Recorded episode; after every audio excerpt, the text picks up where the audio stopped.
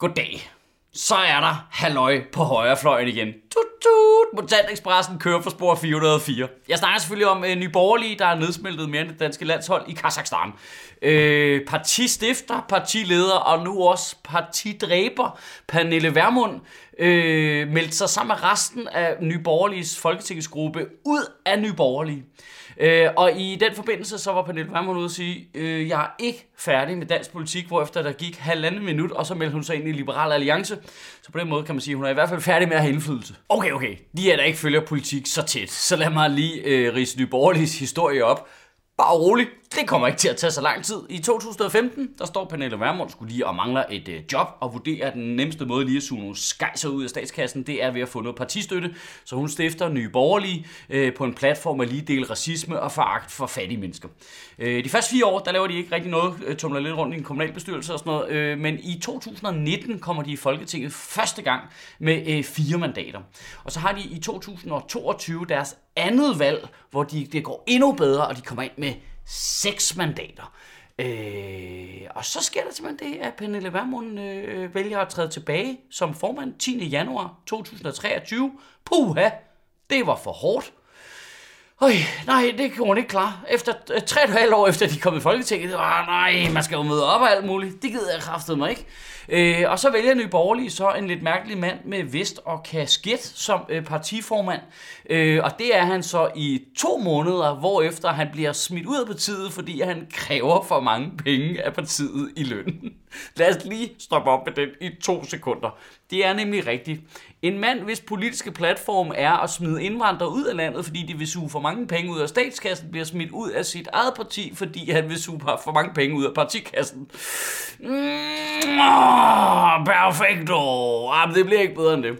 Så træder Pernille Vermund så i oktober 2023 sidste år tilbage ind og siger, nu skal jeg nok være formand igen. Og hun siger det med ordene, at hvis du holder den borgerlige fane højt, så lover jeg dig, din kamp vil ikke blive ensom. Oktober, november, december. Ses, pækhoveder! Fire og et halvt år. Fire og et halvt år fra Nye Borgerlige kom i Folketinget første gang til Folketingsgruppen opløser sig selv. Fire og et halvt år. Det, det var det, Staminen holdt til. Jesus Christ, mand fire og et halvt år, at du kan ikke engang komme til psykiatrien på den tid jo. Altså, øh, er det, er det ikke en lidt kort Martin Scorsese-film på en eller anden måde? Altså, hvis Bertel Hård, blinker rigtig langsomt, så har han ikke noget opdaget, de er der.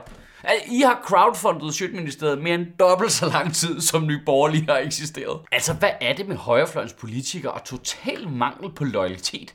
Jeg, jeg, jeg troede, det var deres brand på en eller anden måde. Var det ikke dem, dem var det standhaftige? Dem, der kunne stå last og bræst og stå der i stormvejr, du ved. Og nu skal alle andre folk, de skal også bare fucking tage sig sammen. Og så det sekund, de møder en lille smule personlig modstand, så flygter de kraftet med fra parti til parti. Altså, først fra Dansk Folkeparti til Nye Borgerlige, og så Inger Støjberg fra Venstre, og så Dansk Folkeparti folk til, til, til Inger Støjberg, og så nu fra Nye Borgerlige til Liberal Alliance. Altså, det, man har sådan en idé om, hvad, jeg tror, I går på Hogwarts, eller hvad, i må tage fordelingshatten på hver uge. Nej, så er det mandag, så er der nye hold. Kan jeg vide, hvem det bliver? Uh, Slytherin Alliance igen. Der er noget fascinerende i, at det er præcis den målgruppe, der render rundt ude på internettet og kalder folk for landsforrædere, som så viser sig at være vennekåber Strunse-style for sindssygt.